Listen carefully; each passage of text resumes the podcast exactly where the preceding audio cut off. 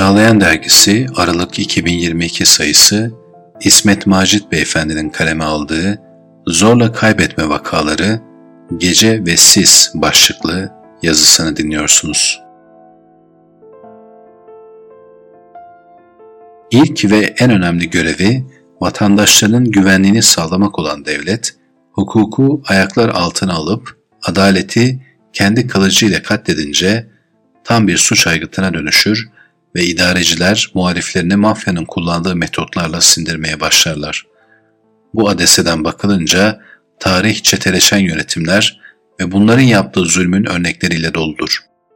Dikta rejimler Firavun yönetiminde olduğu gibi saltanatları yıkılacak diye yeni doğmuş çocukları bile katlederler. Masum insanları bertaraf etmeyi bir yönetim politikası olarak belirlerler ve ülkelerini böyle bir gerilim ve korku atmosferinde yönetirler. İnsan kaçırma ve kaybetme bu yönetim anlayışının temel araçlarından biridir. İnsanların hürriyetlerinin devlet görevlileri veya hükümet tarafından yetkilendirilmiş, desteklenmiş veya zımnen onaylanmış kişi veya gruplar tarafından tahdit edilip daha sonra bu özgürlük tahdidinin varlığının inkar edildiği veya zorla kaybedilen insanların nerede bulunduklarının veya akıbetlerinin ne olduğunun gizlendiği vakalar zorla kaybetme vakaları olarak görülür.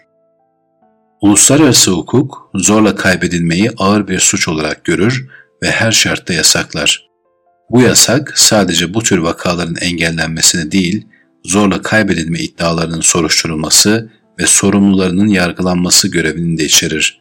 Zorla kaybedilmeler, devletler tarafından teşvik edilen politikaların ve uygulamaların veya devlet görevlilerinin sivillere karşı yürüttükleri daha geniş saldırıların parçası olarak yürütüldüklerinde insanlığa karşı bir suç da söz konusu olabilir.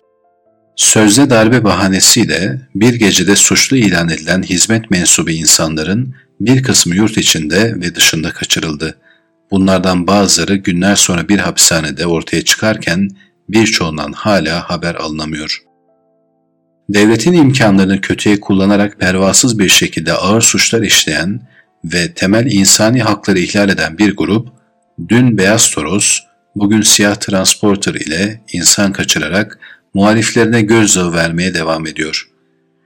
Hüseyin Mor Sümbül, Dadis öğrencisiyken Bingöl'de yaşadığı ev polis ve askerlerce basılarak gözaltına alındı.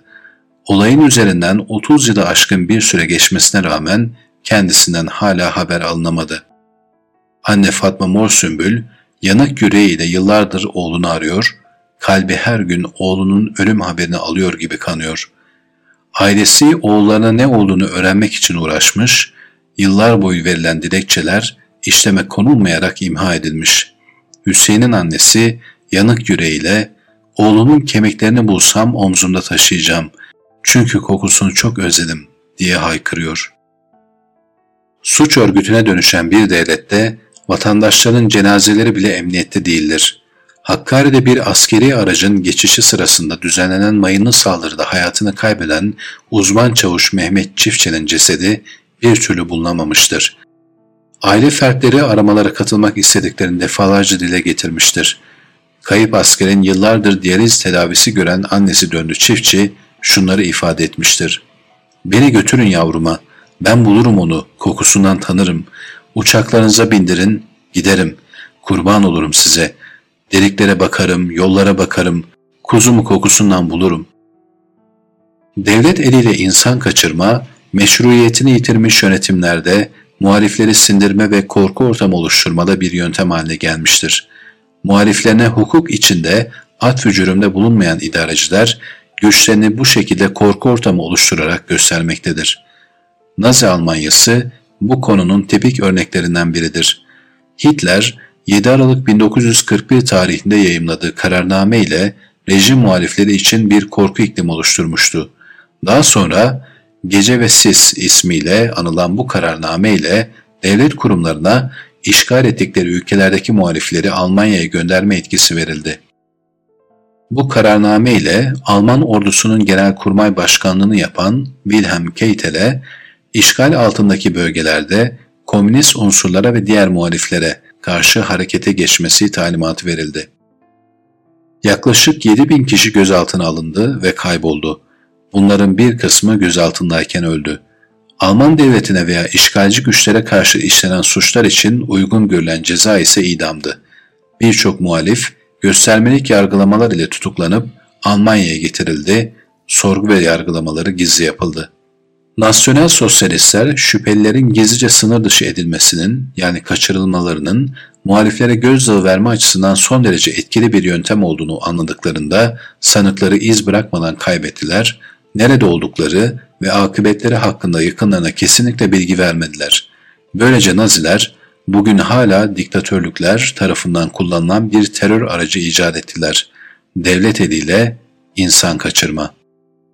Yakalama, sorgu ve yargılama gibi adli prosedür esnasında kaçırılan muhalifler NN mahkumları olarak adlandırıldı ve gizli tutulan duruşmalarına NN işlemleri veya NN davası adı verildi.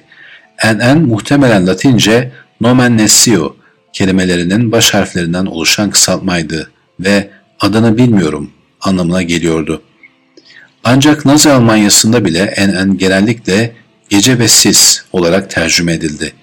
Gece ve sis tabiri kaybedilen insanlar için acıyı, Naziler için ise gizem ve gücü temsil ediyordu. İkinci Dünya Savaşı'ndan sonra Nazilerin yargılandığı Nürnberg savaş suçları duruşmaları ile birlikte Hitler'in 7 Aralık 1941 tarihli kararnamesi genellikle Gece ve Sis kararnamesi olarak isimlendirildi. Gece ve Sis kararnamesi Ağustos 1944'e kadar yürürlükte kaldı. Bu süre zarfında Nasyonel Sosyalistler Fransa, Belçika, Hollanda ve Norveç'ten yaklaşık 7 bin sivili Almanya'ya sürdü veya kaçırdı. En az 340 muhalif ölüm cezasına çarptırıldı. Sürgün edilen birçok insan hapishane ve toplama kamplarında öldü ve sayıları savaştan sonra bile tespit edilemedi. Nazi rejimi enen kurbanlarını genellikle yazar, gazeteci, düşünür gibi halk üzerinde tesir olan ve muktedirlerin hatalarını halka korkusuzca anlatan insanlardan seçmiştir. Rejim, halkın uyanması ve organize olup iktidara karşı direniş göstermesi ihtimaline karşı ülke içinde ve dışında sürekli operasyonlar yaparak gözdağı vermiştir. Belçikalı Willy bu tehlikeli muhaliflerden biriydi Nazilerin oluşturduğu gece ve sis ortamında kaçırılıp Almanya'ya götürüldü. Ağustos 1941'de tutuklandı ve Gestapo tarafından işkence gördü. Akrabalarıyla görüşmesine izin verilmedi. 1942 ve 43 yıllarında farklı hapishanelerde kaldı. Ağustos 1943'te yargılandı ve vatana ihanetten mahkum oldu. 1944 yılında idam için Dachau toplama kampına getirildi ancak savaşın sona ermesinden dolayı ülkesine geri döndü ve yaşadıklarıyla ilgili birçok yazı kaleme aldı, röportajlar verdi. Devleti yönetenlerin hukuku katletmelerinden sonra oluşan zulüm ortamının kurbanları, hakikati arayan, hukuk diyen ve adalete aykıran insanlar olmuştur. Devlet kimi zaman siyasetin esiri olmuş mahkemeler vasıtasıyla, kimi zaman da suç örgütüne dönüşmüş yapısıyla farklı çetelerle birlikte hareket etmiş ve muhalif gördüklerini hain ilan ederek onları bertaraf etmiştir. İnsan kaçırma ve faili meçhul cinayetler bu kabildendir. Kendilerini yönettikleri ülkelerin tek sahibi olarak gören, tiranlaşmış ruhlar ve şürekası, dünya saltanatlarını sarsacak her türlü hak arayışına terör damgası vurmuş ve insan kaçırma ve kaybetme gibi birçok insanlık suçunu kendilerince meşru hale getirmişlerdir. Yönettikleri milletlerin başına bela olan bu yapılar, toplumun hipnoz edilmiş bir kesimi tarafından desteklenir ve bu destek ölçüsünde ömür sürerler. Bu türlü gayrimeşru yapılarla mücadele, hukukun içinde kalarak kamuoyu oluşturma ve yapının mağdur ettiği bütün kesimlerin omuz omuza vermesiyle mümkün olacaktır. Zulmü tüm platformlarda asrın dili ve gerekten o uygun haykıran mağdurların gayreti, hukukun yeniden tesisi adına son derece önemlidir. Kaçırılanlardan bazıları yakınlarının gayretleriyle oluşan kamuoyu ve her kesimden insanın el ele vermesi sayesinde bulundu. Aynı şuur ve gayretin devam etmesi, diğer kayıpların da bulunması ve hukukun üstünlüğüne dayalı bir yönetim anlayışının yeniden tesisi dilek ve dualarımızla.